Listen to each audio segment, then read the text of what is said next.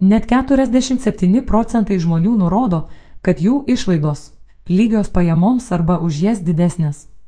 Tokius duomenis atskleidžia Svetbank užsakymų atlikta reprezentatyvi šalies gyventojų apklausa, kurios pagrindų sudarytas gyventojų finansinės veikatos indeksas. Gebėjimas išlaikyti kasdienių finansų balansą ir išleisti mažiau nei uždirbame - vienas esminių geros finansinės veikatos bruožų. Be abejo, gaunant itin mažas pajamas tai padaryti yra kur kas sudėtingiau. Ypač turint mintyje pastarojo meto infliacijos šoką. Vis dėlto, taip pat tai priklauso ir nuo mūsų pačių pastangų efektyviai valdyti savo finansus. Sako Svetbank finansų instituto vadovė Juratė Cvilikienė. Teigiančių, kad jų išlaidos per pastaruosius 12 mėnesių buvo lygios pajamoms ar už jas didesnės.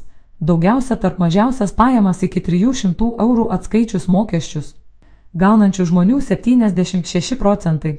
Tačiau gaunantis didesnės pajamas taip pat susiduria su tokia situacija, taip patvirtindami, kad finansinė elgsena reikšminga siekiant išlaikyti balansą. Tyrimo duomenimis 57 procentai žmonių, kurie uždirba 301 tūkstantį eurų, išlaidos buvo lygios pajamoms ar už jas didesnės. Taip sako ir 38 procentai gaunančių 1001-1300 eurų siekiančias pajamas bei 35 procentai uždirbančių 1301.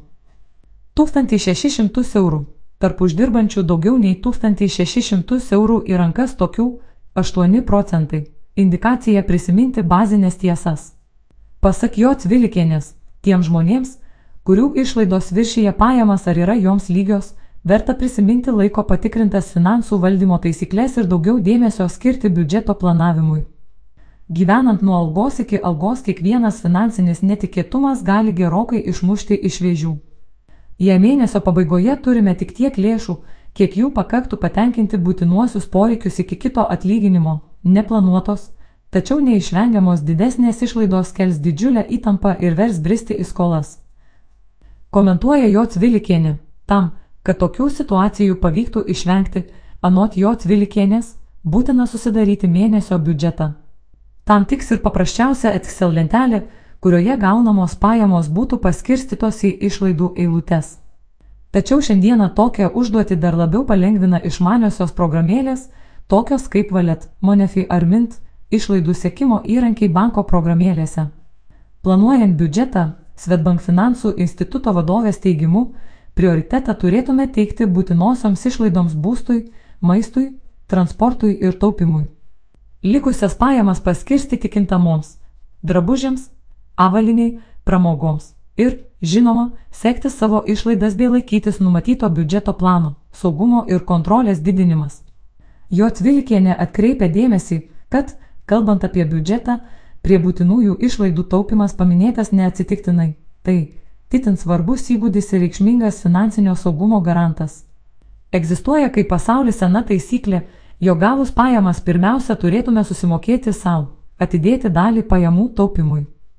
Neretai tie žmonės, kurie išleidžia visas pajamas, nepriklausomai nuo jų dydžio, susiduria ir su sunkumais kaupiant finansinį rezervą. Vis dėlto, turint santaupų atlaikyti finansinius sukrėtimus yra daug paprasčiau, jos gerokai padidina finansinio saugumo ir ramybės jausmą, kalba jo Cvilikienė. Tačiau jei vis tik jaučiame, kad lėšų pakanka tik visiems būtiniesiems poreikiams patenkinti ir nematome erdvės taupimui, verta pagalvoti apie galimybę uždirbti papildomų pajamų.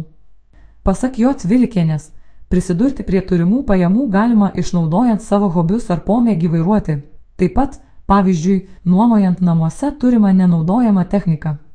Svetbank finansų instituto vadovė pažymi, kad vos 18 procentų gyventojų visiškai sutinka su teiginiu, jog jaučia finansų kontrolę. Tuo metu finansų planavimas bei santaupos, anot jo Tvilikienės, kontrolės jausmą gali padidinti itin stipriai.